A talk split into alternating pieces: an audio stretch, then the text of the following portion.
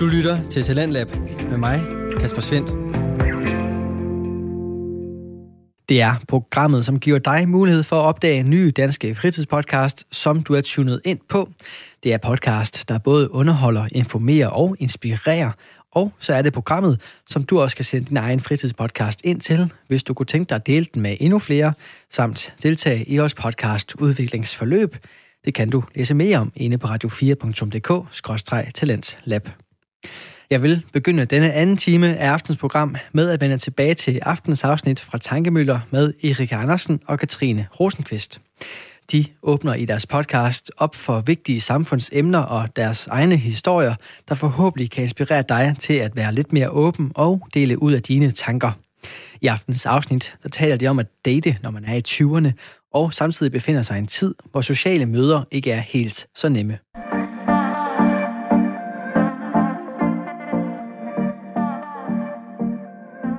Katrine, når du så altså, kommer ned i de her reflekterende perioder, jeg tror lidt, at det er det, der har været, fordi i går havde vi en hel dag, hvor vi ikke arbejdede så meget mm. og sådan noget andet, og i dag kom følelserne så frem for det. Altså det er i hvert fald min tanke omkring det. Ja. Hvilke ting bliver sådan reflekteret, når du kommer ned i stillheden, og ikke rigtig laver noget, og bare virkelig inderligt har tid til at tænke over alting?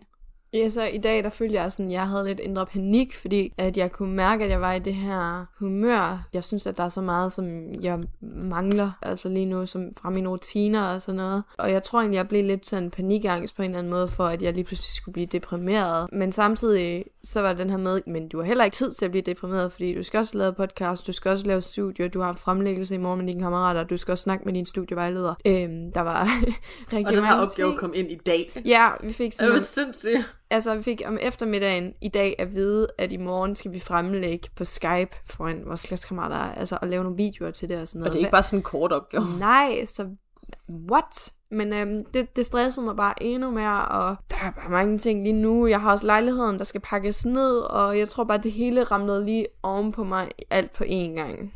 Ja. Og det, det synes jeg blev hårdt. Og så har jeg det sådan lidt med mine følelser. Det vil jeg, jeg vil gerne snakke lidt mere om alt det her med, at jeg har lidt svært ved at registrere mine følelser nogle gange. Så, øhm, så nogle gange så kommer de lidt bag på mig. Og så føles det bare lidt mere voldsomt, end, end den måske er. Ja, og Katrine bragte det nemlig faktisk op til mig her den anden dag, at hun mm. gerne vil snakke omkring det her, så på et eller andet tidspunkt i den nærmeste fremtid, der øh, kommer der en potty nugget, bare kun med Katrine, hvor Yes. hun svarer på alle mulige spørgsmål, man nok kan have, og hun har fået igennem tiden omkring medicin Ja. for antidepressiv eller Ja. angstmedicin. Og hvad er det nu, den hedder, det der mærke, du får? Øh, ja, jeg får noget, der hedder Duloxetin, men jeg har også været på Sertralin, som jeg ved, de fleste er på. Ja, det var også Så, den, jeg øh, fik, ja. men jeg droppede at være på, fordi den bare gjorde mig endnu mere Ja.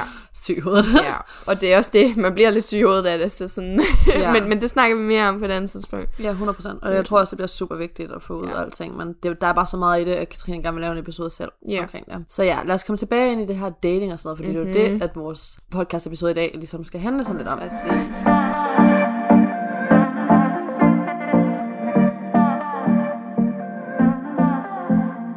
I den her episode, der vil vi mest af alt faktisk bare snakke omkring dating, og meget af det kommer til at være sjov, fordi vi har fandme også bare brug for at grine og være glade og lave et eller andet godt humør imellem os lige pt, synes jeg i hvert fald. Jeg ved, at jeg personligt i hvert fald har brug for at lytte til det, og også bare sådan snakke om det for at få noget positivt ud. Men på samme tid, så vil vi også gerne bruge den her episode til at være seriøse og være reflekterende, og så også bare sige, hvad vi synes, at vi fortjener, og hvad vi egentlig leder efter, og hvad Ja. vi ikke synes er okay. Og den opførsel, der nogle gange kan være på dating apps og alt sådan noget andet lige pt, fordi det er den måde, man mest af alt dater i vores generation. Og sådan en balance, tror jeg altid, vi kommer til at prøve at have. Altså sådan en balance mellem både sjov og seriøs og reflekterende. Ja. Jeg gik igennem noget mega frustrerende i den her uge, og det er den, jeg faktisk gerne vil sådan starte ud med at snakke om, fordi at jeg gerne vil sådan prøve at sådan ende podcasten på en positiv note, fordi jeg har også en mega sjov og akavet og underlig dating-historie, som jeg tror rigtig mange vil sådan grine af, og, mås- og måske relatere til på en eller anden form. Ja. Øhm, den er i hvert fald super sjov. Og... Jeg har en øh, historie, som man overhovedet ikke kan relatere til, og tænker, kan det virkelig passe? Men det kan det. Så øh, der kommer lidt af hvert. Ja, men ja, jeg vil gerne lige starte med den her negative oplevelse, og så vil jeg faktisk også gerne lige høre dine tanker, Katrine, på et eller andet tidspunkt ja. omkring, når du modtager dem her slags ting. Ja. Men her, før jeg endte med at ville tage min Instagram-pause, Mhm. mm-hmm. der lavede jeg en lang story omkring en besked, jeg havde modtaget på Tinder, og det Ja. var bare dråben. Det var bare dråben i, at jeg sådan slettede Tinder for 11 år, eller det troede jeg i hvert fald. Mm. Men jeg fik så mange positive beskeder, og det kommer jeg ind på bagefter igen, at det ændret min mening. Men ja, den besked, jeg fik, var, hej, mega smilende og ekstrem frække Erika, og så en masse mega sådan seksuelle hentydige smiley'er, altså både sådan en djævel og den der tunge emoji og hjerteøjne og alt sådan noget. Så skrev jeg, jeg er ikke så fræk, som jeg ser ud. Min hverdag består af skedeprutter, tørshampoo og børsning af alfabetet. Det er ikke 100% sandt, men jeg havde bare ikke lyst til at tage imod hans pis. Nej. Og jeg var bare sådan, jeg hader, især fordi min Tinder bio er, at jeg er sjov og så, altså sådan, jeg prøver at vise min humor Præcis. ved at have noget. Men jeg skriver også til sidst, at jeg leder efter noget seriøst, og jeg ikke Ja. gider at spille min tid, så hvis folk kun leder efter sex, så er det ikke mig, at de skal matche med, så er bare Nej. svaret nej. Men han ville alligevel at starte ud på den her måde. Og så skrev jeg så på min story til det screenshot, det er de to sætninger. Kan I fornemme, at jeg ikke vil finde mig i, at nogen starter en samtale på den måde? Jeg vil bare ønske, at en person på den her pokkers dating app vil tage det seriøst, og ikke bare gå ud fra, hvor fræk jeg er, og eller bare gerne vil bolle. Og det er jo lidt ligesom det, jeg sådan har sagt nu her. Jeg vil bare ikke finde mig i det. Altså, jeg er begyndt at blive så feministisk omkring det her punkt især, fordi sådan, mænd tror, de kan snakke til os på alle mulige måder. Og jeg ved også, at der er også så mange kvinder, der lærer jeg endnu mere, mm-hmm. og jeg skal ikke spille heldig, men bare i forhold til mig, jeg er slet ikke sådan, så jeg gider ikke snakke for de kvinder, der er sådan. Øhm, og jeg oplever det jo kun fra et mands perspektiv af, altså Ja. på den her front. Øhm, men ja, altså jeg er bare træt af, at når man så går på dating-appsene, som burde være til at finde noget reelt, altså det er derfor, det blev startet jo. Mm-hmm. Det var sådan, at man nemmere kunne finde mennesker, man muligvis kunne matche med, du ved. Det er ikke bare for at behandle folk af lort, og mm-hmm. snakke til folk, som om de er objekter og sådan noget. Også bare sådan, der var en af sådan mine drengevenner, som jeg havde haft en smule med, jeg ved ikke, Ja. hvad, hvad det man så skal kalde det, men jeg har haft en smule med ham for mange, mange år siden.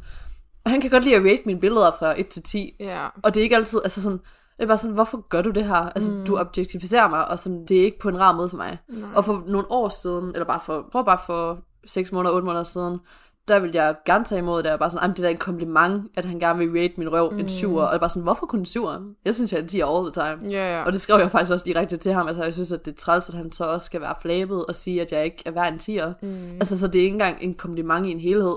Det er også lidt et diss. Og sådan, det kom Ja. bare ud af ingenting. Altså, jeg vil ikke bede om det eller noget. Han vil bare reagere på min story. Det der, det er en femmer. Det der, det er en 7 ud af 10. Det der, det er en, det er en og datten. Mm. Det bare sådan, jeg tror ikke på, at det var en ond mening. Men de tror bare næsten, at de kan snakke sådan til os, og så komme afsted med det. Ja, og jeg tror også, jeg har det sådan lidt, at, at selv hvis man søger sex, hvis man bare søger sex, hvilket jo er helt fint, så synes jeg også stadig, at man skal udvise respekt og, og modtage respekt. Øhm, fordi det gør dig jo ikke til et, altså du fortjener jo ikke mindre respekt, bare fordi, at du Nej. ikke lige er ude efter et fast forhold. Det er også det, altså, Øhm. det var også noget af det, jeg virkelig kom ind på senere i min story, for jeg bare sådan, altså jeg ved godt, at både dig mm. og mig poster billeder i undertøj nogle gange, og ja. alt sådan noget andet, men det betyder ikke, at vi er mindre intelligente, Nej. eller mindre smukke, eller mindre søde, eller mindre værd, eller noget som helst andet, eller fortjener mindre respekt end nogen andre, bare fordi det er den måde, vi vælger at udtrykke os selv på. Altså hvis jeg har haft et casual forhold med nogen, så har det været nogen, som har virket intelligente, og som har startet ud med at skrive noget andet end, oh, det er godt nok en flo- god røv, det der. Altså, mm. det kan jeg simpelthen ikke bruge til noget. Og så, altså, fordi jeg kan godt lide, at at der på en eller anden måde også er en, en god kemi, sådan så man ikke bare ligger og triller tommelfinger og ved ikke, hvad man skal sige bagefter. Man måske kan få et godt glas vin og nyde hinandens selskab også, og bare vide, 100%. vi er forskellige mennesker, vi skal aldrig være kærester, men, men vi er gode til det her sammen. Ja. Altså, jeg synes, Og det er da også noget helt okay og smukt yeah. i sig selv, hvis man er enige om det, hvis man behandler hinanden godt. men det er det, man skal stadig behandle hinanden ordentligt. Og det er der bare så mange, der ikke gør. Mm, og jeg tror også, kvinder kan godt, altså i hvert fald, nu snakker jeg igen bare fra et kvindeligt perspektiv, men sådan, man kan godt tænke, jamen det er jo okay, at han skriver det, altså fordi at det er jo bare sex, jeg selv er ude efter, eller sådan Ja. noget, men selvfølgelig fortjener du det, Det, samme. det er også det. Altså, 100%. Altså sådan, det er lige meget, hvad jeres forhold er til hinanden, så fortjener du ikke mindre res- respekt mm-hmm. overhovedet. Og bare fordi, altså sådan, jeg vil næsten synes, at du fortjener endnu mere respekt og sådan god respons fra ham, mm-hmm. når han er inde i dig tre gange i ugen, eller whatever, du ved. Altså Ja. sådan, når I deler den energi. Fordi det er ikke bare en en random person. Det kan godt være, at I ikke kender hinanden der så godt, som I vil, hvis I datede. ja. Men det betyder ikke, at man skal behandle dig mm-hmm. værre. Og det er også det, altså sådan, derfor at løs dating ikke rigtig siger mig så meget mm. længere. Fordi jeg bliver lige rigtig ked af det. Ja. Jeg bliver lige rigtig ked af at få de her beskeder, hvor det er bare sådan, hej frække, eller øh, hej, du ser lækker ud, jeg, må jeg give dig en sprøjteorgasme? Sådan nogle yeah. beskeder får man fucking hele tiden. Og bare sådan, hej, din røv er mega lækker, skal vi ses? Og så er det bare det. Jeg er bare sådan, hvad? Men jeg tror også, jeg har haft rigtig mange respektløse oplevelser i noget, som i hvert fald for mig var dating. Så derfor tror jeg måske, at det har været nemt for mig at, at holde fast i det der casual, fordi at hvis de så er respektløse over for mig, så kan jeg på en eller anden måde retfærdiggøre det, eller bedre tage imod det, fordi jamen, det er jo bare noget casual. Ja. Øh, men selvfølgelig er det ikke i orden, men det gør da lidt mere ondt, altså Mm. på en anden måde, hvis, hvis man regner med, at det her var en person, som, hvor der var noget potentiale. Ja, på en eller anden måde. Ja. Men der er også der, altså der er mange spørgsmål omkring det her. Der er for eksempel Mhm. det der med sådan, er det os som piger, som bare skal sætte os til den grænse? Altså, det, vi er kun bollevenner, mm. og så er det bare det. Eller indse, at vi ikke kan det, fordi vi på et eller andet tidspunkt, nu dybere man kommer ind i det, faktisk begynder at sige, okay, kan jeg godt forvente den her situation? Ja. Fordi højst sandsynligt i en mandehjerne, som er mere logisk og mere sådan bokstænkende, mm-hmm. bare generelt. Nu igen, jeg snakker meget generaliserende, men, men det er generaliserende for en grund jo. Ja. Det er også derfor. Bare lige for at understrege det. Men vi bliver også nødt til at nogle gange at sådan tænke noget, sådan kan jeg faktisk det her. Og jeg mm. indså her i januar, da det var sidste situation, hvor det bare sådan, fuck nej, om det her skal ske igen, du. Ja. Der var jeg bare sådan, jeg gider ikke løse dating mere. Fordi sådan, altså, jeg vil gerne være ærlig med folk omkring, hvad jeg vil også. Og sådan Ja. med ham her, som jeg lige er begyndt at skrive med nu jo, der skrev jeg det faktisk fra start af, og sådan allerede efter to timer snakker vi om hjertesorg, vi snakker omkring mm. vores usikkerheder, vi snakker omkring, hvad der var vigtigt for os, og hvad vi gerne vil have ud af livet og sådan noget. Og det er det, jeg personligt gerne vil have. Så der var jeg bare sådan, fucking endelig. Altså jeg sagde nej til det her så mange gange nu, igennem de her sidste par måneder, at universet sådan skubber igennem, sådan okay, du er klar. Mm-hmm. Og så sender jeg, og jeg attracter flere mennesker, som vil det samme. Ja. Men ja, altså sådan det, jeg kan også godt forstå, fordi jeg er også et sådan meget seksuelt menneske. Det Ja. er jeg bare generelt. Jeg elsker mm-hmm. at snakke om sex. Det har jeg altid gjort. Jeg synes, at det er så spændende, og jeg vil også gerne være seksolog på et tidspunkt. Mm-hmm. Så jeg forstår også 100% det der, og jeg er jo stadigvæk nogle gange i de der perioder, bare sådan, skal jeg egentlig bare bolle ham? Ja, Ja, ja. og bare for præcis. to uger siden var jeg hjemme og få en one-nighter. Ja. Så jeg forstår godt begge dele, men man skal bare virkelig være sand over for sig selv også, og så Ja. bare være hurtig til at sige fra, hvis nogen ikke behandler nogen godt, Ja. eller dig godt. Men jeg tror, det kan også være svært, fordi man kan også have respekt på forskellige områder. Sådan, kan jeg lige tage et eksempel. Jeg har haft en date på Happen øh, nogensinde. Det er faktisk ikke en app, jeg har brugt særlig meget. Øhm, og vi lagde ud fra start med at skrive, at vi begge så faktisk rigtig gerne ville have noget seriøst. Og det var rigtig, vi havde en rigtig god date, og det blev faktisk også hurtigt noget, vi var begge to klar over, at vi prøvede ligesom at se, om det her kunne fungere og blive til et forhold. Og han var super respektfuld over for mig, rigtig sød og skrev meget til mig og interesseret og sådan prøvede virkelig at holde fast i det her, selvom vi også havde nogle punkter, hvor vi var lidt forskellige. Man kunne Ja. godt mærke, at han var ikke typen, der bare gav op på mm. noget, og det kunne jeg jo rigtig godt lide. Det er fucking sexet. Øhm, ja, men jeg tror, det var måske fjerde gang, vi sås eller sådan noget. Vi havde haft sex inden der, og det havde også været fint. Men så der, der vælger han, efter at vi har haft sex, så går han lige ud og på badeværelset, så da han kommer tilbage, så siger han, velbekomme. Og så, Hva? ja. Og så Hva? siger, jeg, ja, så siger han velbekomme, og jeg er sådan, hvad? Fordi han har alligevel været derude et stykke tid, så jeg fatter ikke lige, at han siger velbekomme for det der, for selve, at han lige kom ind i mig, eller hvad. Og så sagde han, at det var fordi hans øh, kammerat havde sagt til ham, at øh, det turde han ikke sige til mig. Og så er jeg sådan, okay. Og så lige What? pludselig, så tager han sin telefon frem og filmer på mig inde i mørket, men jeg har jeg sidder helt nøgen, Hva? og så er han sådan, sig lige til Men mig. hvad? Okay, Ja. ja. Polen, mennesker, jeg har ikke hørt den her historie Nej. før. Det er for, hvad? Så siger Jeg sidder, det her det er min oprigtige reaktion. Ja. reaktion. Jeg kan ikke engang snakke. han, jamen det er fucking sindssygt. Hvad? Hvad? Hvad? Hvad? Hvad? Så siger han til sin, så, så mens han filmer på mig, så siger han, sig lige til min kammerat, at jeg sagde det til dig. Og jeg bliver ved med at sidde og sige, nej, det gider jeg ikke, gider du godt lægge det der væk? Og han er sådan, ej, Det kom lyder nu, som noget nu. fra en fucking serie. Eller sådan noget. Og øh, altså, jeg bliver bare sur til slut, og så kan jeg bare se, at han sender den her video, hvor jeg sidder og siger sådan, nej, jeg gider ej, nej, og sådan noget. Og, han- øh, ja, og vi snakkede om det bagefter. Og han var flov, men han var flov, fordi at jeg var blevet sur, og han var ikke, eller han Flov, var ked. fordi han havde gjort det. Nej, han var, ikke, han var ked af det, fordi jeg var blevet sur, men han kunne ikke forstå, at, hvad der var galt i det. Det er fucked up. Så der sluttede det. Red flag. Rødt flag. Rødt skal ikke flag. sige velbekomme. Det er mig, der siger velbekomme. Han skal heller ikke filme dig. Ej, Hvad er det Jeg for har- en opførsel? ej, men jeg var, jeg var rystet. Jeg...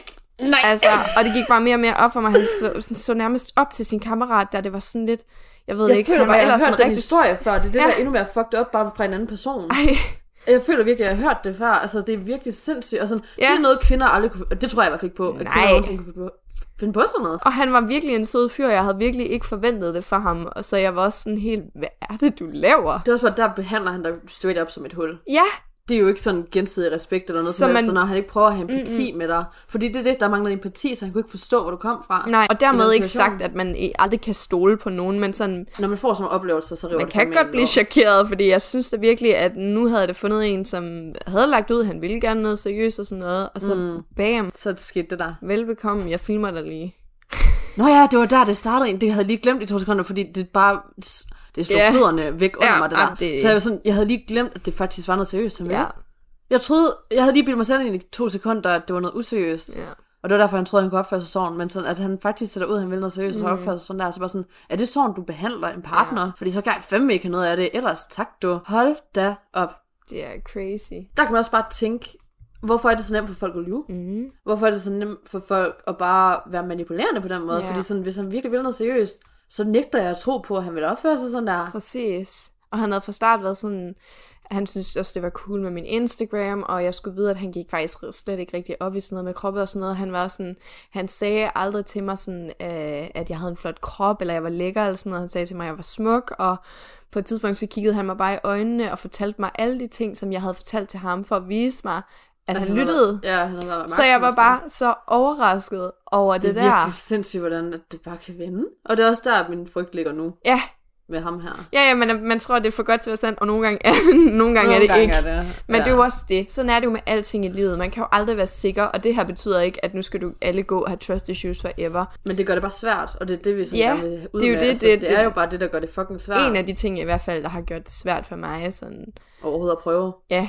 Ja, fordi jeg sådan, altså ved mig der er det sådan lidt omvendt, fordi jeg virkelig en håbløs romantiker. Ja. Altså jeg er en håbløs romantiker, og lige meget hvor slemt det bliver, så er der bare stadigvæk et eller andet, der sådan kommer i gang i mig. Altså mm. lige så snart jeg sådan bliver reddet ned, så har jeg bare lige sådan en vrede periode, for eksempel, hvor min story der, hvor jeg bare Ja. skulle ud med det. Og jeg vil stadigvæk lige dele noget mere fra den her bagefter, men din historie var virkelig relevant og god og sådan lige få ind. Ja, altså der var altid et eller andet, der sådan river mig tilbage op, fordi jeg bare tror på sand kærlighed. Ja. Og jeg ved, at den er der et eller andet sted. Man bliver fucking træt, og sådan, det er også derfor, men det er også en af de gode ting. Mm-hmm. Nu rambler jeg lidt. Jeg prøver lige at starte forfra. kom med det. Den første ting er, at jeg gerne vil være en håbløs romantiker, og jeg vil gerne glemme alt, hvad alle andre har gjort, og så behandle den her person som et nyt menneske, Ja. og give ham chancen for at altså, faktisk bevise, at han ikke er som de andre. Helt sikkert. Men så er der den anden side, hvor jeg bare virkelig tager alle følelserne op fra alt mm. andet lort, jeg har været igennem. Også bare fordi de sidste seks måneder har været fucking sindssyge. Og igennem den her podcast, der vil jeg også dele historier mere og mere, også Ja. omkring, hvad der skete i december, som jeg aldrig rigtig delte alligevel på min YouTube-kanal, men jeg virkelig gerne vil sådan snakke om mere. Ja. Det var sindssygt hjerteknusende for mig, og det var, jeg græd hver, altså fra morgen til aften stort set, konstant og hele tiden. Og det er sådan nogle ting, der sådan sætter sig op, fordi så begyndte jeg at date igen, var sådan, okay, videre, nu Ja. er jeg over det her, bla bla men det var jeg jo egentlig ikke. Mm-mm. Men man sætter sig derind, og så kommer en person op, som faktisk er sød igen. Ja. Og jeg bare sådan, ham her, førhen, fuckede mig så meget op, og jeg troede, altså jeg var så vanvittig forelsket i ham. Mm-hmm. Vanvittig fucking forelsket i ham. Jeg troede virkelig, jeg havde fundet den person, jeg skulle giftes med, og have børn med, og muligt andet. Og han, ligesom den du datede, så der også alle mulige ting ud med, altså sådan, med vores drømmehus, og han var tømmer, så han ville bygge det til os, Ja. og jeg var bare ikke som nogen andre, og vores kemi var sindssyg, sexen var det bedste mm. i hele Mhm. verden, altså sådan, fordi kemien og connection, og altså den der compatibility, den bare var så høj. Og så han alligevel endte med at få mig over, og løg, altså igennem alting fandt jeg Ja. ud af. Og så tænker man sådan lidt, hvordan skal jeg bare tro på, at det her ikke er det samme igen? Mm-hmm. Og man er på dem der to sider der, Ja. og man ved ikke, hvad man sådan skal lytte til, og ens, ens indre stemme, som sådan snakker til en, som ens intuition og sådan noget, mm-hmm. bliver bare sværere, fordi at ens usikkerheder bliver så store og højt råbende, og det er der, det virkelig bliver sådan svært, og vi to, vi er begge to mennesker, som virkelig gerne vil have et forhold, jo, men Ja. vi var begge to virkelig skadet igennem alt det her, og sådan, det er fucking hårdt at date, men Ja. noget, jeg tror, at vi gør, især som vores generation, det er, at vi tror, at det var nemmere førhen, fordi folk var mere romantiske og alt sådan noget andet. Men vi ser igen og igen og igen også, at der var virkelig mange problemer dengang. Mænd behandlede virkelig ikke kvinder godt, før vi Nej. fik rettigheder. Nej. Og alle de her andre ting, så det var sådan, var den tid virkelig bedre? Jeg tror bare, de havde andre challenges, end hvad vi havde. Så vi sammenligner vores challenges med deres, selvom at deres var så langt fra, hvad vores overhovedet kan være, fordi Ja. vi har den her teknologi og alt sådan noget andet. Altså sådan alting bindes sammen, og sådan, det er bare virkelig vigtigt at også være rationel omkring det. Mm. Og så også bare sådan prøve at være det bedste, man kan være selv. Og så håbe på, at man finder en, der også gør det samme. Ja. Og det er også derfor, jeg virkelig også bare gerne vil give den her person en, en chance, jo. Selvom at det, altså, det gav mig så meget angst her den anden dag, at jeg direkte kastede op. Ja. Jeg blev så syg af smerten, der var inde i mig, og den angst, der var inde i mig, at jeg direkte bare kastede op, fordi jeg ikke kunne være i mig selv. Og det gjorde ondt i næsten en time i min mave, sådan en kæmpe klump, Mm-hmm. fordi at den frygt bare sidder der. Men jeg kunne heldigvis snakke med ham om det. Når du... Du lytter til Radio 4. Og du lytter altså til programmet Talent Lab, hvor jeg i aften kan præsentere dig for to afsnit fra Danske Fritidspodcast. Her som nummer to er det fra Tankemøller med Erik Andersen og Katrine Rosenqvist, der taler om at date i 20'erne og de historier, der følger med det liv. Det afsnit, det vender vi tilbage til her. Du kigger tilbage. Var der nogle røde flag ved ham? Det er faktisk det, jeg først begyndte at tænke over nu. Ja. Og jeg tænkte på det her den anden dag, hvor jeg sad og tænkte sådan, okay, ham her, jeg skriver med nu, lad os Mhm. kalde ham Anton. Det, Ja. Han hedder slet ikke noget med det at gøre, men lad os lige kalde ham Anton. Yes. Jeg skriver med Anton, og sådan, jeg fortæller ham faktisk omkring min frygt og alting andet. Mhm. Mm-hmm. Og han siger ikke bare kun, okay, det her, det, det er okay, vi skal nok klare det, jeg skal nok være der for dig. Han deler også egne historier Ja. fra hans ting, for at sige sådan, hey, vi er alle sammen mennesker, vi har alle sammen ting. Jeg har også dem her usikkerheder for det her, for det her forhold af. Og det Ja. gør, at jeg godt kan opføre mig sådan der. Præcis. Og det er sådan et kæmpe grønt flag. Altså, Ja. sådan, det er virkelig bonuspoint for det, du ved. Det og sådan, det. Altså, hvis man sætter det op på den måde. Og når jeg så kigger tilbage og reflekterer over, hvordan at, at de fleste ved godt, hvad han hedder, men også bare, hvis der kommer mange flere nye Mhm. lyttere ind, som ikke ved det, så skal de give ham et kælenavn. Jeg kalder ham Julius. Ja. Julius, han vil bare sige, okay, det er faktisk okay, og så vil jeg prøve at kramme, men han vil stadig, jeg kunne godt mærke lidt distance, og han vil slet ikke dele noget om ham selv. Nej. Og når jeg så begyndte at spørge ind til hans barndom, Mhm. mm-hmm. som jeg vidste, han havde et problematisk forhold med hans mor, så ville han ikke rigtig dele så meget. Nej. Han vil lukke ind. Og det er også et rødt flag. Fordi Ja. hvis de ikke er klar til at sådan dele, hvad de selv har gået igennem, så er det stadigvæk, fordi der har en effekt på dem. Og højst sandsynligt er den negativ, når det har været et traume. Ja. Hvis man ikke har fået bearbejdet det og helet fra det, så kan man umuligt have det bedre, og så kan man ikke behandle folk bedre, Nej. hvis man ikke har det godt med sig selv, jo heller. Og det der er min empati, som ligesom er for ham, men det gjorde stadigvæk ikke hans opførsel okay. Mm-hmm. Og jeg håber ærligt, at sådan vores snak, vi havde dengang, har vendt situationen for ham. Det røde flag, det er det eneste, jeg sådan lige pt. kan se, men jeg tror, der kommer til at ryge flere op, nu Ja. mere jeg dater, og nu mere jeg så indser, at andre mm-hmm. opfører sig i forhold til, hvad han egentlig gør. Ja. Men når man er i det, og bare sådan er forblindet af forelskelse og sådan noget, så er det røvsvært. Præcis. Ja.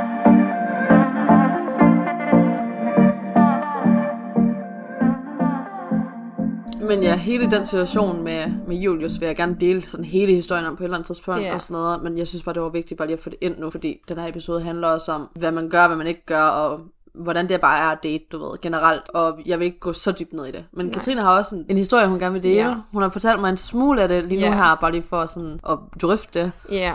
Men meget af det har hun ikke fortalt. Så igen, så er det rigtige reaktioner. Lad os kalde ham Martin. Der kommer mange navne i spil.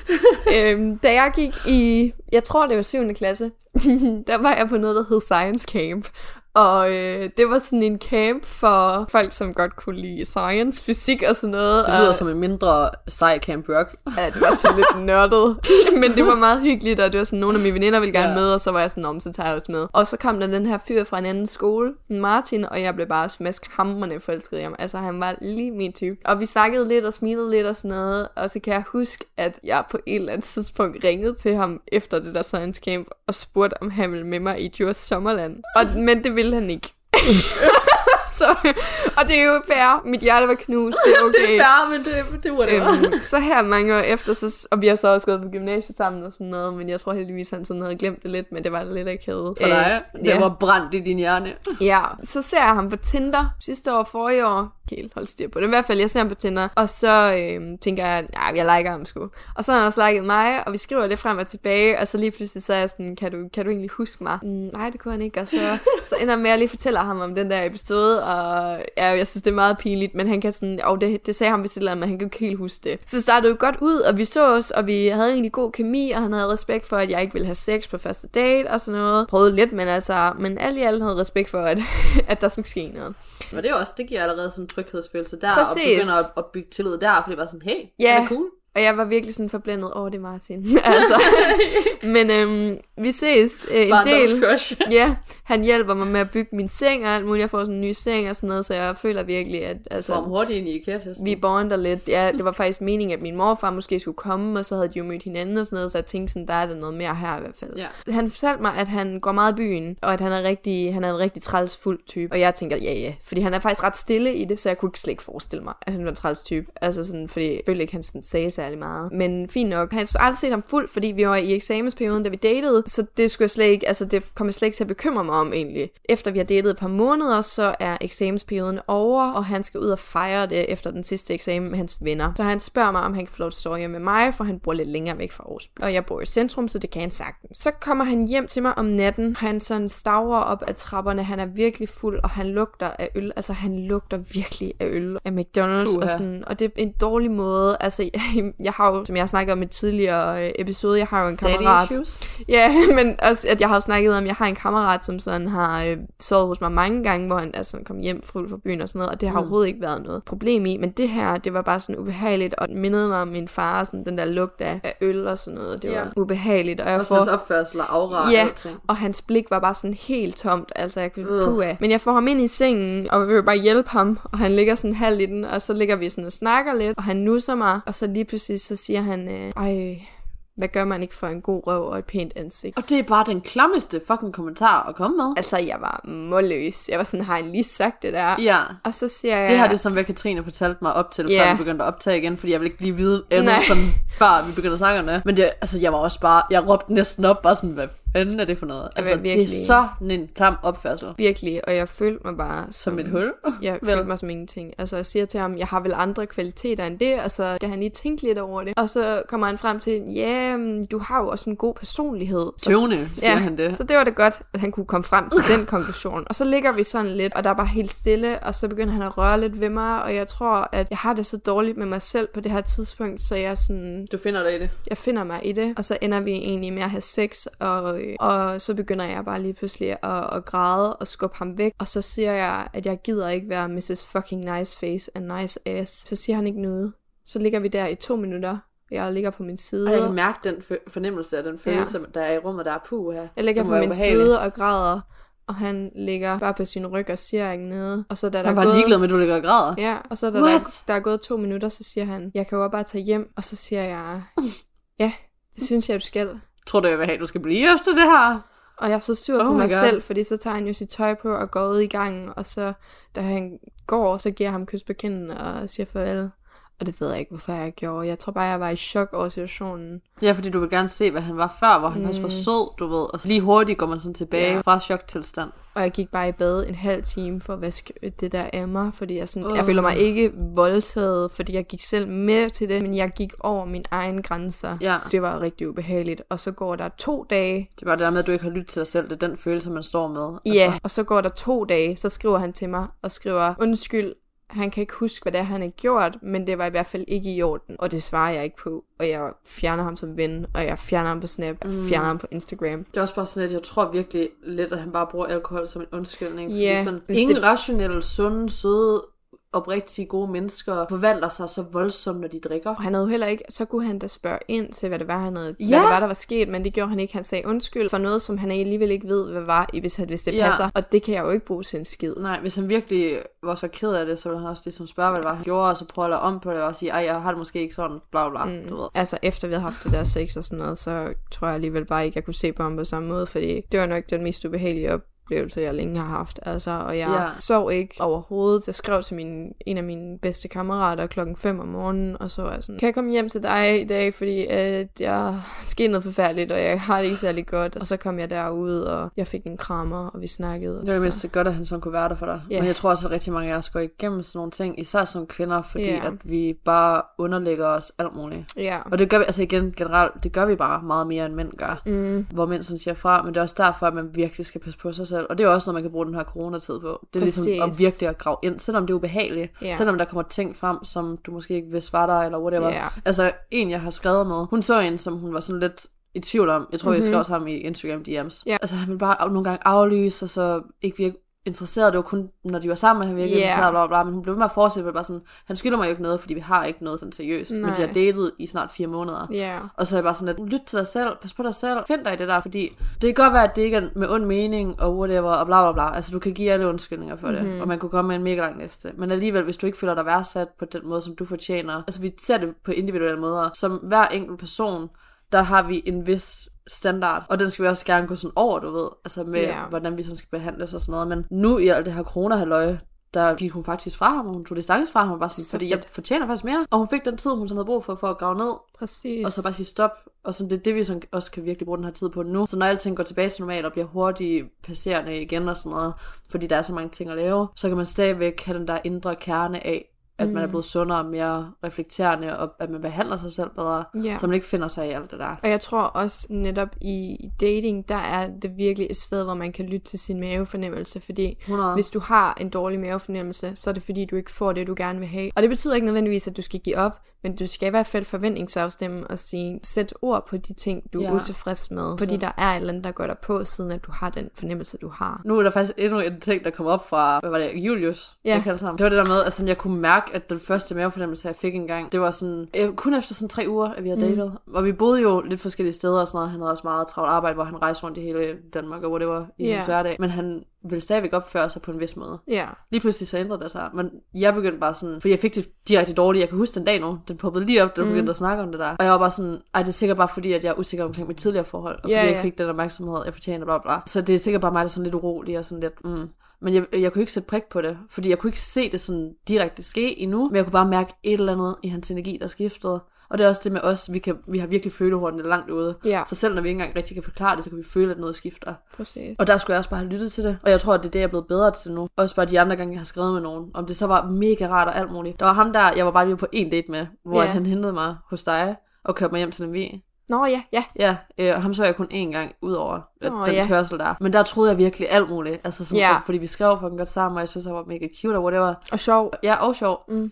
Og vores køretur hjem fra Aarhus til Lemvig var fucking fantastisk. Mm. Altså sådan, at vi snakker om rigtig mange ting. Men allerede der, dagen efter, nej ikke dagen efter, et par dage efter, da vi sås til sådan en date, Ja. hvor vi sådan sad og spillede spil, der var bare et eller andet, der var off. Mm. Og der lyttede jeg bare til det med det samme, i stedet for at Præcis. sige, ej, giv ham flere chancer, eller whatever. Og i dag, da jeg skrev med en på Snapchat, der begyndte du også sådan lidt, ah, ham der, han er din og datten. Ja. Men jeg kunne også godt mærke det selv, og vi har kun skrevet sammen i en halv time. Men jeg kunne godt mærke det, og jeg Ja. vidste bare ikke, at det, jeg vidste bare indeni, at det ikke ville blive bedre med tiden. Mm. Så jeg også- også begynder at tage lidt mere distance fra ham allerede nu. Ja. Altså, nu mere du går igennem det, nu mere du indser ting, nu hurtigere opdager du det, og nu hurtigere kan du ligesom komme videre fra en situation. Men det er fucking nogle ubehagelige altså, ting, vi alligevel sådan har været igennem. Det synes jeg også. Men ja, altså, vi har utallige ja. historier. Både gode, både dårlige. Jeg tror lige, vi tager en lille intermission, inden vi går videre, og så vil jeg egentlig bare lige sende et skud ud og håbe, at I har lyst til at subscribe til den her i YouTube. Oh my god, vi beholder det inde, fordi det er faktisk sjovt. Ja, Vi, okay, vi er begyndt virkelig at fuck op med det her, fordi at, det er konstant. ja, og vi laver rigtig meget af begge dele lige nu. Ja, Så sådan, ja. man kommer til at blande det sammen, men jeg vil selvfølgelig gerne have, at I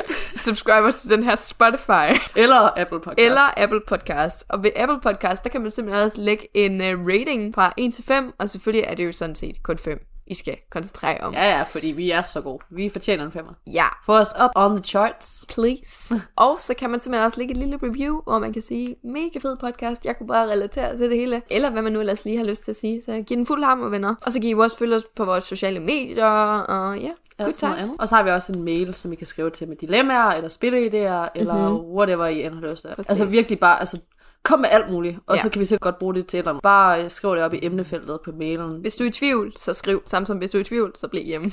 ja, præcis. Men den er i show notes, så øh, ja, skriv.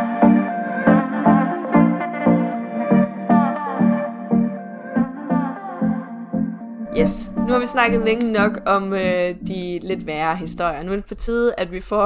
Jeg ved ikke, om det er en, det er en god historie, men det er en sjov historie. Så længe man kan grine af den Ja. selv. Altså det er der, det er vigtigt. Fordi vi kan også se os sorte ting, og der er selvfølgelig også nogle oplevelser, som er virkelig ubehagelige. Men Ja. så er der også nogle, der bare er mindre gode, men stadigvæk ender med at være, bare være en sjov fucking historie at fortælle til alle sine veninder. Præcis. Og nu også den her podcast. Ja, som jeg altid siger, sjove historier, de kommer med en pris. Ja, ja. Altså, de bedste komikere er dem, der har oplevet mest. Men Præcis. lad os bare sige det sådan. Jeg har fået æren af at lægge ud, og nu skal I altså bare høre den vildeste historie. Jeg har lavet en anden forfærdelig Tinder-date-video på min YouTube, og der var rigtig meget øh, respons på det, at de gerne ville høre den vildeste, jeg har, så den har jeg simpelthen besluttet mig for at dele nu. Og jeg glæder mig. Jeg har ikke hørt den her før. Jeg sidder... Øh. Jeg har lyst til at lave popcorn. Ja! Radio 4 taler med Danmark. Du lytter ganske rigtigt til Radio 4 her med programmet Talent Lab, hvor vi præsenterer dig for afsnit fra Danske Fritidspodcast. I denne time, der står den på en episode fra samtale-podcasten Tankemøller med de to unge kvinder, Erika Andersen og Katrine Rosenqvist, der taler åbent, ærligt og sårbart om det forvirrende, svære og nogle gange underholdende ved at date i 20'erne. Den episode vender vi tilbage til her. For fem, knap seks år siden, tror jeg, der øh, slog jeg op med min daværende ekskæreste, eller daværende kæreste var det jo, og det er faktisk sidste kæreste, det er så lang tid siden. Så havde jeg den der mentalitet med, nu skal man lige under en anden for at komme over ham, altså helt over. Ja. Så øh, jeg er på Tinder. Jeg finder den her fyr, lad os kalde ham øh, Søren. Søren, han virker rigtig sød, vi har en god kemi, når vi skriver sammen, og vi bliver ret hurtigt enige om, at vi skal ses jeg bor på daværende tidspunkt i Randers. Jeg tager til Aarhus for at besøge ham. Jeg har nogle hjemmebagte boller med, vi får en flaske vin, og vi har en good time. Eller, det ved jeg ikke. Der var lidt øh, komplikationer, men det var fint. Ikke? Sådan, det var også lang tid siden. Hvilke meget komplikationer var det? Øh, det var, den var lidt svært ved at få den sådan ready in action. Ah, Den var sådan du lidt blød. hård. Ja, den var lidt blød. Okay. Og så bliver sådan lidt, der bliver man altid sådan lidt, er jeg ikke lækker, men, men altså, det, det lykkedes jo også sådan, sådan, om morgenen, tror jeg først faktisk, men det er fint. Så tager jeg jo hjem, og så skriver han til mig, om han kan få lov til at komme hjem til mig i ferien, fordi der var nemlig vinterferie, tror jeg, og mine forældre, de var på Læsø, sorry mom. Øh. Hvor gammel var du her? Jamen, det var jo efter, vi slog op der, så der har jeg vel været mm, 18-19 år. Okay, det er stadigvæk en meget ung, eller Ja, alt det her sex, eller ja. Men øh, ja, han får lov til at komme hjem til mig. Det er jo bare noget casual fra min side af, så tænker jeg, så kan vi jo lige udforske lidt mere i det. Det kan Mm. være, det går bedre. Bare hygge. Ja, jeg kommer og henter ham ned ved toget, og jeg kommer med min cykel, og så mens vi går hjem til mig, så har han sådan, mens jeg styrer min cykel, så har han sådan hånden oven på min hånd, og jeg er sådan, hvad, altså, hvad laver du jo ikke? Vi er jo ikke noget. Altså, vi kan holde mig i hånden. Det er det mere romantisk, Ja. ja. ja. Øhm, og jeg kan bare ikke få ham til at gå. Han ender med at være hjemme ved mig i flere dage. Nej, ved du det? ja. Og jeg ved ikke, hvad jeg skal... Hvorfor sagde du ikke noget til ham? Jamen, jeg vidste ikke, hvad jeg skulle sige. Og så til Så du havde gået rundt i flere dage bare sådan, gå, gå, gå, tag hjem, tag hjem. Lidt fordi han sådan, du ved, holdt om mig, og sådan, man kunne mærke, tydeligt mærke, at det var noget romantisk for ham, og det var det bare ikke for mig. Og så øh, ender, så endelig finder jeg, Jeg på et eller hader, andet. undskyld, jeg lige Ja, afbryder. nej, kom med det. Men seriøst, jeg hader, når folk mangler situationsfornemmelse. Ja. Det er det værste i hele verden. Det er så akavet, og det er så ubehageligt at være i. Ja. Men jeg fortsætter. Og jeg kunne slet ikke, um, så får jeg ham endelig ud ved at sige, at jeg skulle lidt lande, tror jeg, eller mine forældre kom tidligt hjem, hvad ved jeg. En eller anden undskyldning. Ja, så under min stol, så finder jeg kraft med hans pas. Og så er han sådan, am han kan bare komme og hente Han har glemt med vilje, har han. jo, eller jeg kan bare komme med det til Aarhus, og jeg sender det med posten. Fordi jeg er sådan, jeg skal ikke se ham igen. og det er fint, og han prøver virkelig at snappe til mig, og der bruger jeg altså bare ghosteren. Jeg var ikke ældre, øh, og jeg synes bare, det var en nem måde ud af det der Ja. klister. Så det var meget sådan, Det er også det, der er mange tid. aspekter til ghosting nogle Ja. gange. Altså sådan, Det var jo Ja. for øh, at spare hans følelser. Om jeg fik gjort det, det tror jeg sgu ikke. Jeg tror, det havde været det samme, om jeg så bare havde sagt, det skal bare ikke være os. Men der går mange år. Jeg hører ikke noget til ham. Jeg ser ikke noget til ham. Så lige pludselig, så ser jeg ham nede i Aarhus by, da jeg selv er flyttet til Aarhus. Altså i byen, festagtigt? Nej, nej. Nej okay. Sådan bare midt på en sommerdag øh, sidste, Okay. sidste år. Og vi ser hinanden, og jeg kigger sådan lidt efter ham og sådan noget, men jeg er ikke sikker på, at det er ham, for det var mange år siden. Så får jeg så en Facebook-besked fra ham et par dage efter, hvor han skriver, hey, var det ikke dig? Og jeg er sådan, jo, jo, jo. Det var det jo, faktisk. Vist. ja. Og så øh, skriver vi lidt sammen. Han bliver ved med at skrive, at han vil egentlig gerne have en chance til, og sådan noget. Lige pludselig så begynder han at snakke meget om mænd og femininitet og sådan noget. Og jeg synes, det er sådan lidt underligt, så jeg lukker samtalen sådan lidt af. Så går der måske en måned. Det er ikke fordi, der er noget galt i det, by the way. Nej, altså, nej. det synes Katrine heller ikke. men Bare det gav mig bare en underlig vibe. Ja, der var altså, noget Altså- bag det. Det var ikke bare ja, sådan... nej, en, det var mere bare selve situationen i Ja. det. Så øh, en måned senere, så får jeg så en venneanmodning fra ham. Så har han lavet en ny Facebook eller et eller andet, hvor han ansøger mig og begynder igen at sige, ej, åh, hvor ville det være dejligt at få en chance til. Men begynder igen at Virkelig snakke. underlig opførelse også. Bare allerede vildt. der. Jeg vil være sådan lidt, hvor, hvad? Ja, og han begynder sådan at snakke om øh, mandlige skuespillere, som han synes er lækre og sådan noget. Og så lige pludselig så siger han til mig, at hen over sommeren, der har han faktisk også været i tvivl om, hvad han er til. Jeg er meget altså cool omkring sådan noget. It's cool to be gay, you be gay, if you want to be gay. Jeg synes, det er mega fedt. Mm. Man skal jo være den, som man er. Så, jeg, altså, så han siger faktisk til mig, at han øh, har været sammen med en masse mænd og sådan noget. Og jeg er jo bare sådan, nå, det er, det er da interessant. Altså, øh, er det noget, som du er glad for? Øh, er han virket til, at, at det var noget, han i hvert fald havde udforsket rimelig meget, og, men han var biseksuel, sagde han. Men det er, sådan, det er underligt, at han åbner op over for mig omkring det. Altså, vi har jo ikke Nej. set hinanden i virkelig lang tid.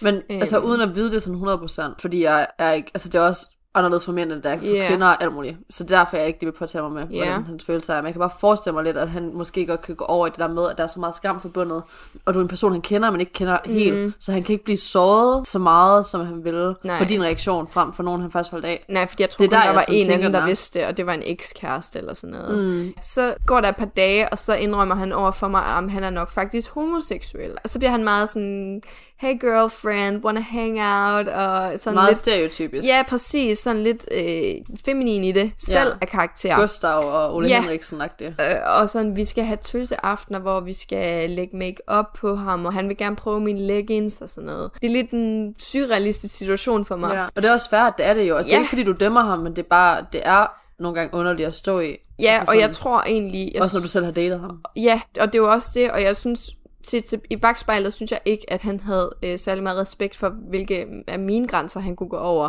Nå. Og det kommer vi også ind på nu. Ja. Fordi så spørger han mig, om han må sende mig et cute booty pic, fordi han synes jo, at jeg er hans booty queen, fordi han følger med på min Instagram.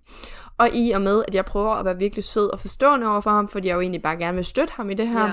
så siger jeg, at det må du selvfølgelig gerne. Så sender han mig et billede, iført en lysrød G-streng, med et diamantblåt buttplug i. Var. Ej, hvad? Ja, og så siger jeg bare til ham, at det er et buttplug. Og så er han sådan, hov, ja, det var ikke lige meningen. Ej, nej, nej, nej. Det var det billede, Prøver jeg han at fyre det pisse af? Okay, det er virkelig... Undskyld, det er ikke, Ej. igen, det er ikke noget med gay eller noget, eller whatever. Også bare fordi sådan, jeg også... Altså, jeg tror, jeg er sådan biseksuel. Jeg ved ikke, hvad jeg sådan skal kalde mig. Min, min seksualitet er meget, meget flydende. Ja. Men jeg har også perioder, hvor jeg virkelig tænder på kvinder og sådan noget. Mm. Alting. Så igen, jeg har virkelig ikke noget imod sådan noget. Men her handler det stadigvæk ikke om det, men om menneskelig opførsel Præcis. over for hinanden. Præcis. Og lige meget om, om det var en heteroseksuel, der sådan havde altså sendt dig et dick pic, eller Ja. om det var ham, der sendte det her buttplug. Det er begge to grænseoverskridende, og det er begge to ikke okay, hvis man Nej. ikke har givet accept Og til jeg det. tror på en eller anden måde, han fik snydt mig lidt ved det der, fordi at jeg jo følte, at jeg har jo givet min accept på en eller anden måde, fordi han... Det var jo bare ikke det, du havde Det var bare ikke det, jeg havde sagt ja til. Du havde ikke sagt ja til, at det skulle være sådan med tror, Det var meget sådan Instagram. Fordi man kunne altså også godt se hans pik, altså sådan lige Også, i ja, baggrunden. og noget. på. Ja, Præcis. 100. Øhm, så det var, ja, jeg vidste ikke, jeg var sådan, wow, er det et buttplug? Det er også bare sygt manipulerende af ham. helt vildt. Fordi du står lige præcis med den der Ja, følelse. men det bliver sådan mere og mere seksuelle ting, han fortæller mig om, og øh, hvordan at han, er, han elsker at blive øh, domineret. Altså, han vil virkelig gerne dominere sig de der mænd, som han ses med. Og så sender han mig et billede af, hvordan en af de der fyre har klædt ham ud som en Ej, kvinde. Hvor han Hvorfor, igen, hvorfor bliver... Du har ikke bedt om det her. Altså bare fordi du forstår det, eller whatever, og så bare sådan, det er Ja. random. Og jeg får Ej. Bare en masse billeder af ham. Jeg får et front pose, jeg får et eller andet, hvor han står op ad muren og så lægger ud, eller igen iført de der G-strenge der. Og det var et eller andet, han sagde, han havde lagt på Reddit og fået mega mange likes. Og øh, så lige pludselig sender han mig et andet røvbillede iført en sort G-streng. Det er virkelig bare hans version af dick pic. Ja, og så siger han til mig, det her billede af den her røv, det sendte jeg til mine kammerater.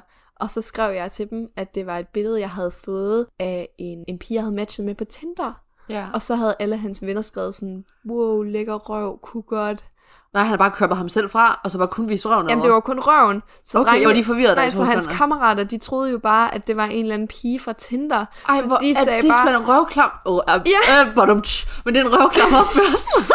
helt vildt. Altså prøv at tænke på, hvis de fandt ud af, at det var hans røv, og de havde siddet og sagt, kunne godt og sådan noget. ja, også bare fordi man bliver snydt. ja i det er der. det, man bliver jo lovet for. Altså, Ja. det er da virkelig... Og en stjerne, det er ligesom det der med den der kjole, er den guld, eller er den blå, eller Ja. sådan. Altså sådan, man ser forskellige ting, og derfor reagerer man også forskelligt til ting. Præcis. At, ej, men det var Og det, så ej, det er underligt. virkelig, virkelig ikke okay. Ej, og han blev ved med at spørge ind til den der aftale, som vi havde, og det endte bare med at måtte sige, jeg kan ikke ses med dig. Mm. Altså, fordi jeg kan ikke sidde så tæt på dig. Vi har været sammen. Ja.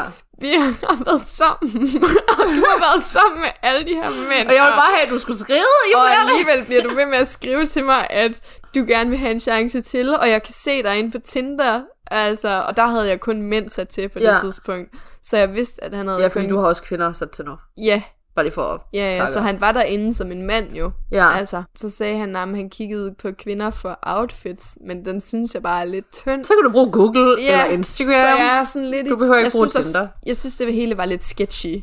Total. Øhm, men jeg synes, det er en sjov ting at kigge tilbage på. En overdreven oplevelse. Han har slettet mig på Facebook nu. Jeg ved ikke helt, om han følger mig på Instagram stadig. Øhm, Jeg tror også, han måske er flov over det. Altså, det håber jeg næsten. Det lidt, håber jeg også, er. fordi at jeg sagde virkelig fra, og han prøvede ellers også, han undskyldte for det, og var sådan, jeg ved godt, jeg skulle måske lige have været lidt mere chill og sådan Ja. noget.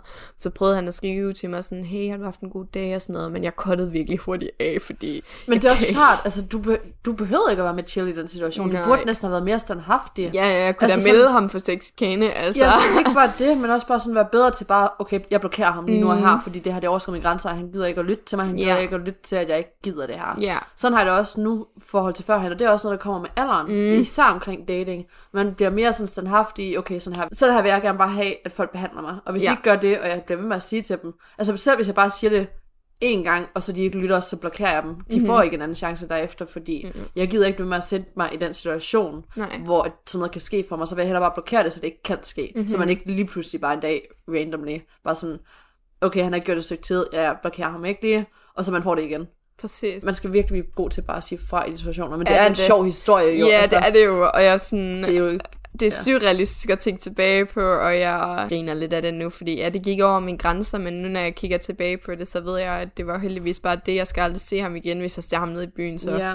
tænker jeg, at vi bare går forbi hinanden. Og så må man også bare håbe, at han ligesom er blevet anderledes. Ja. Fordi jeg tror også bare, altså det er også noget, der er super interessant, og jeg gerne vil have gæster på, som mm. er homoseksuelle, og bare deler Helt deres sikkert, ja. altså sådan, situation med, hvordan at de ligesom kom ud. Ja. Fordi at, selvfølgelig er der nogle gange, hvor at det bliver gjort til en kæmpe stor ting, når det egentlig ikke burde være det. Men mm. i vores samfund lige nu, der er det bare en stor ting. Og sådan, det er bare desværre sådan, det er. Men folk skal lige vende sig til det, før det er bare normalt. Ja, ja, præcis. Men det bliver mere og mere normalt, selvfølgelig. Det gør det. Men stadigvæk mange på vores alder, som er kommet ud for flere år siden, Ja. hvor de virkelig ikke var særlig accepteret. Men også alt efter, Dem historier hvor vil jeg man, gerne høre. Ja, og hvor man kommer fra. Hvis man kommer fra små byer, så er det meget Ja, svært. 100%. Og så hvor- hvordan at den tankegang kan være rationel og Mhm. okay i deres hoveder, hvis mm-hmm. det er, at de sådan har gjort det eller et eller andet. Altså jeg vil super ja. gerne gøre det, fordi selvfølgelig har man også empati for, at der er en grund til, at de gør det her, og det er sikkert, fordi han er røv usikker, og han bare Ja. gør de her ting, og det er stadigvæk noget, han vender sig til selv, og han har sikkert alle mulige dæmoner og stemmer op i hovedet, der siger sådan, at det er det virkelig ikke okay. Det er samme med, at når nogen body shamer mig, så har jeg bare lyst til at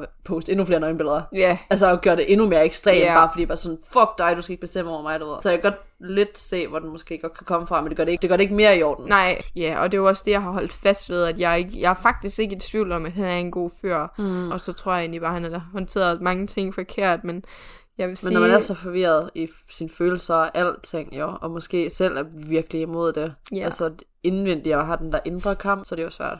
Men at jeg lige frem modtog et buttplug-billede, det havde jeg da aldrig Den troet, at jeg ind Det gør den virkelig. Altså, det var også bare en diamant. Altså, det kan da ikke overses. Nej, også bare sådan noget, jeg lige kommer i tanke om, der er yeah. det her med, hvad vi nogle gange modtager i DM's, Ja. og også bare, hvad vi modtager på Snapchat nogle gange, sådan randomly. Mm. Sådan nogle ting kan vi lave en hel episode om, Ja. også hvis der er. Og hvis I har nogle historier, jeg gerne vil dele omkring det, så send det ind til os.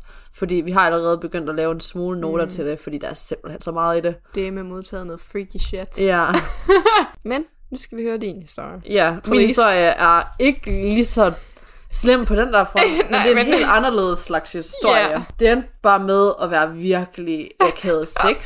Det var noget af det mest ubehagelige sex, jeg nogensinde har haft i mit liv. Jeg kan stadigvæk mærke ham ovenpå mig, og det er derfor, jeg nogle gange bare randomly får i ryggen, tror jeg. Oh my god. Ej, det er virkelig... Ej, den her historie er virkelig, virkelig slem. Jeg kan starte sådan fra begyndelsen af. Det var den første person, jeg faktisk skrev med efter mit breakup sidste sommer. Inde på Tinder. Jeg var bare så excited, fordi han så så lækker ud. Ja. Altså, han så så altså, Ja, jeg har totalt ud af min liga-agtige lækker. Altså, ud på billederne og Ja. sådan noget. Han ligner også, han var virkelig høj. Og ikke fordi højt altid betyder noget, men det, det er alligevel sex. Ja, jeg så jo også billederne. Jeg synes også, han var en flot fyr. Ja, og han virkede sådan en kæmpe buff mm. person, du ved. Og det var bare komplet modsat. Ikke for at være ond, men det var lidt det komplet modsatte af, hvad jeg lige var gået fra. Ja. Og det var bare det, jeg ville. Ikke fordi der var noget galt i det, eller fordi at der er mindre sex, eller Nej, whatever, nej. du ved. Men man går bare efter det komplet modsatte efter Ja. breakup. Ja. Og man virkede sådan, altså næsten sådan steroidfyragtig, fordi på billederne så det så voldsomt ud, du ved. Ja. Og jeg tænkte bare, ej, jeg skal bare fucking kalde med nogen, jeg skal bare komme under nogle andre, også bare fordi jeg vidste, at ham her allerede var, altså ham jeg slået op med, var begyndt at date en. Ja. Så jeg også bare, jeg vil også bare gerne ud og fucking altså, have sex med en eller anden. Jeg er ikke klar til et forhold, det ved jeg, men jeg skal bare prøve at komme over det. Ja. Altså, han var faktisk lidt langt væk fra. Det tog mig fire timer at køre ned til ham i tog. Ja. Men det gjorde også bare, at vi sådan havde to uger, hvor vi bare facetimede ekstremt meget. Jeg følte mig som en teenager igen, du ved. Fordi sådan, der facetimer man også bare rigtig meget med sine crushes, måske på ja. MSN eller Skype eller whatever dengang. Så det brugte vi rigtig meget tid på. Vi skrev ekstremt meget sammen. Og jeg blev bare røvglad for ham. Altså sådan, og sådan, Ja. han virkede så åben og virkede virkelig, altså jeg blev virkelig overrasket. Mm. Og vi havde ikke sat nogen aftale om, at det bare skulle være casual eller noget. Nej. Vi skrev bare sammen, og så så, hvad det blev til. Ja, ja. Men ja, altså der går så de her to uger, og jeg begynder virkelig at være glad og bare sådan for ham, og vi begynder virkelig at rykke lidt rundt i vores kalender, fordi han var i militæret. Mm-hmm. Så han skulle ligesom også have sådan fri fra hans vagt og sådan noget en aften, fordi jeg skulle sove dernede. Vi ja. kunne ikke bare randomly bare lige ses. Nej, nej. Men ja, jeg tager fire, næsten fem timer, tror jeg faktisk, ned til ham i tog. Scheisse. Fordi også bare på grund af tidsskift. Altså, nej, ikke Ja. tidsskift. Hvad, så, hvad snakker jeg om? Jeg tog ikke til fucking Afrika. Spoiler! Han var fra Nigeria. Han var en nigerisk prins. Det var en nigerisk prins, jeg havde fundet på Gmail. jeg sidder bare i flyveren yeah. på vej ned. Uh, yes. Vi har ikke helt snakket om, hvad skal det skal noget være. afrikanerpik. Skal det være giftemål? Skal det være casual? Han har lovet mig guld og grøn skov. Ja. Ej. jeg kan ikke engang, oh my god. To sekunder, jeg er nødt til lige at have en pause. Hvad jeg mente, det var selvfølgelig, at der var skift imellem togene, og den tidsskift var jo også lagt oveni, så yeah. det er ikke bare fordi, at han boede fucking langt væk, at det er bare fordi, jeg kommer fra en lille by i Jylland, Ja. og alt med offentlig transport tager røv lang tid. Men ja, det tog mig de her fem timer, og hele vejen derned, så havde jeg bare glædet mig virkelig meget til sådan, også bare fordi han har sådan lidt snakket om, hvad han gerne ville gøre ved mig og sådan noget. Ikke sådan rigtig meget. Mm-hmm. Jeg har prøvet vildere sexting, men sådan, han gav lidt udtryk for det, og bare sådan, satte også ham selv op til at bare have en mega stor pik og whatever og sådan. Altså som mm-hmm. kvinder, der kan vi jo, altså der er størrelsen jo også nogle gange noget. Ikke mm-hmm. altid, det er også en anden diskussion, man kan have. Men ikke, i den her situation, når det bare var noget, der ikke var følelsesmæssigt, så var det sgu da rart nok, at den var stor. Ja, ja. Og han satte sig bare op på sådan en sky med alt muligt, han også som ville gøre, og sådan, det virker også sådan mega god sex yeah. og han vil passe på mig, og alle mulige andre ting. Åh. Ja, okay. Jeg siger så i bussen, og det første, jeg ser, er, at han ikke ligner hans billeder. Det er simpelthen så skuffende. Ja, altså ansigtet gør han lidt, men selv der, der er det bare sådan, han er meget mindre. Mm-hmm. Altså han ligner, at det var sådan en robust hoved næsten. Altså fordi det også Ja. passede til hans store krop og alt sådan noget andet. Og sådan. Men det var meget mindre, og sådan, jeg vil næsten synes, jeg var mere bredskuldret end ham. Men det er også det der med, det, det er jo ikke fordi udseendet betyder så meget, men sådan, når Nej, man men det har... var det der chok. Ja, fordi man tror jo, man kommer til noget andet, så det Ja, er klart, 100%. at man bliver sådan, Det er det, fordi hvis jeg havde troet, at han så sådan der ud, men også bare, da vi facetimer og sådan Ja. yeah. han, han- virkede bare meget større.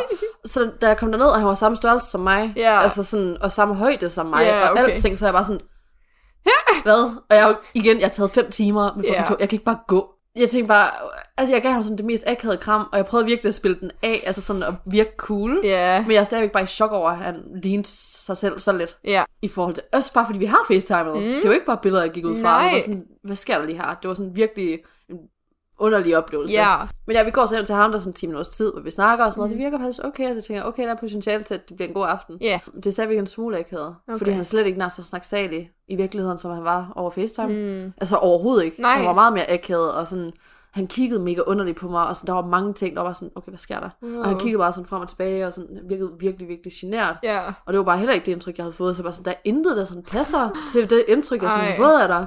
Og jeg sidder bare og bliver virkelig underligt tilpas, men så tænker jeg, ved hvad, jeg er kommet så fucking langt. ja, Jeg vil fucking have noget pik. ja, ja, Og så prøver jeg bare sådan at holde, altså, ændre situationen, fordi vi har sådan en film på. Ja. Men selv der, da vi prøvede put, putningen var akavet.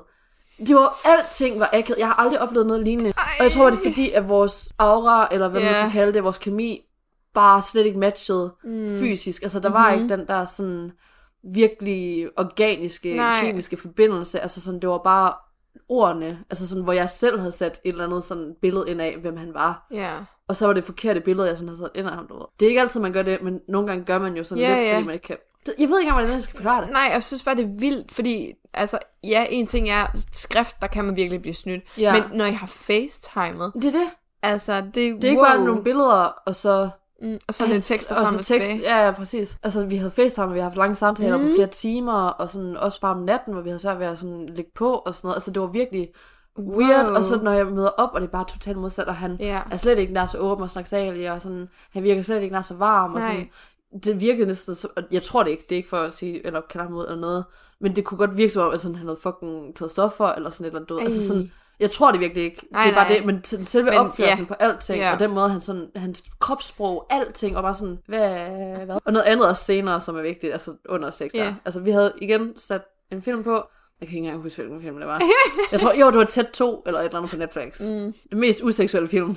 Jo, nej, faktisk lidt, men stadigvæk ikke, fordi det er en bamse. Ja, Men ja, vi har sat den på, og så prøvede jeg bare sådan at vende mig rundt yeah. på hans lille sofa der, og så prøve at kysse ham. Og sådan, mm. kysse, der var ikke særlig gode heller. Så sagde jeg, okay, så går jeg ned og bare giver ham et blowjob. Ja. Og det er sådan, det, ja, så behøver jeg ikke kigge på ham, så kan jeg Nej. bare lade som om, jeg gør det på en eller anden en, som jeg har haft det godt med førhen. Og det er virkelig forfærdeligt at sige, men jeg er i den her situation, og sådan, jeg ved ikke, hvad jeg skal gøre, og det er den første efter min eks, og sådan noget, du ved, og sådan, at gå fra god kemi, mm. og dejlig sex, og sådan gode oplevelser, alt sådan, Ja. til det her.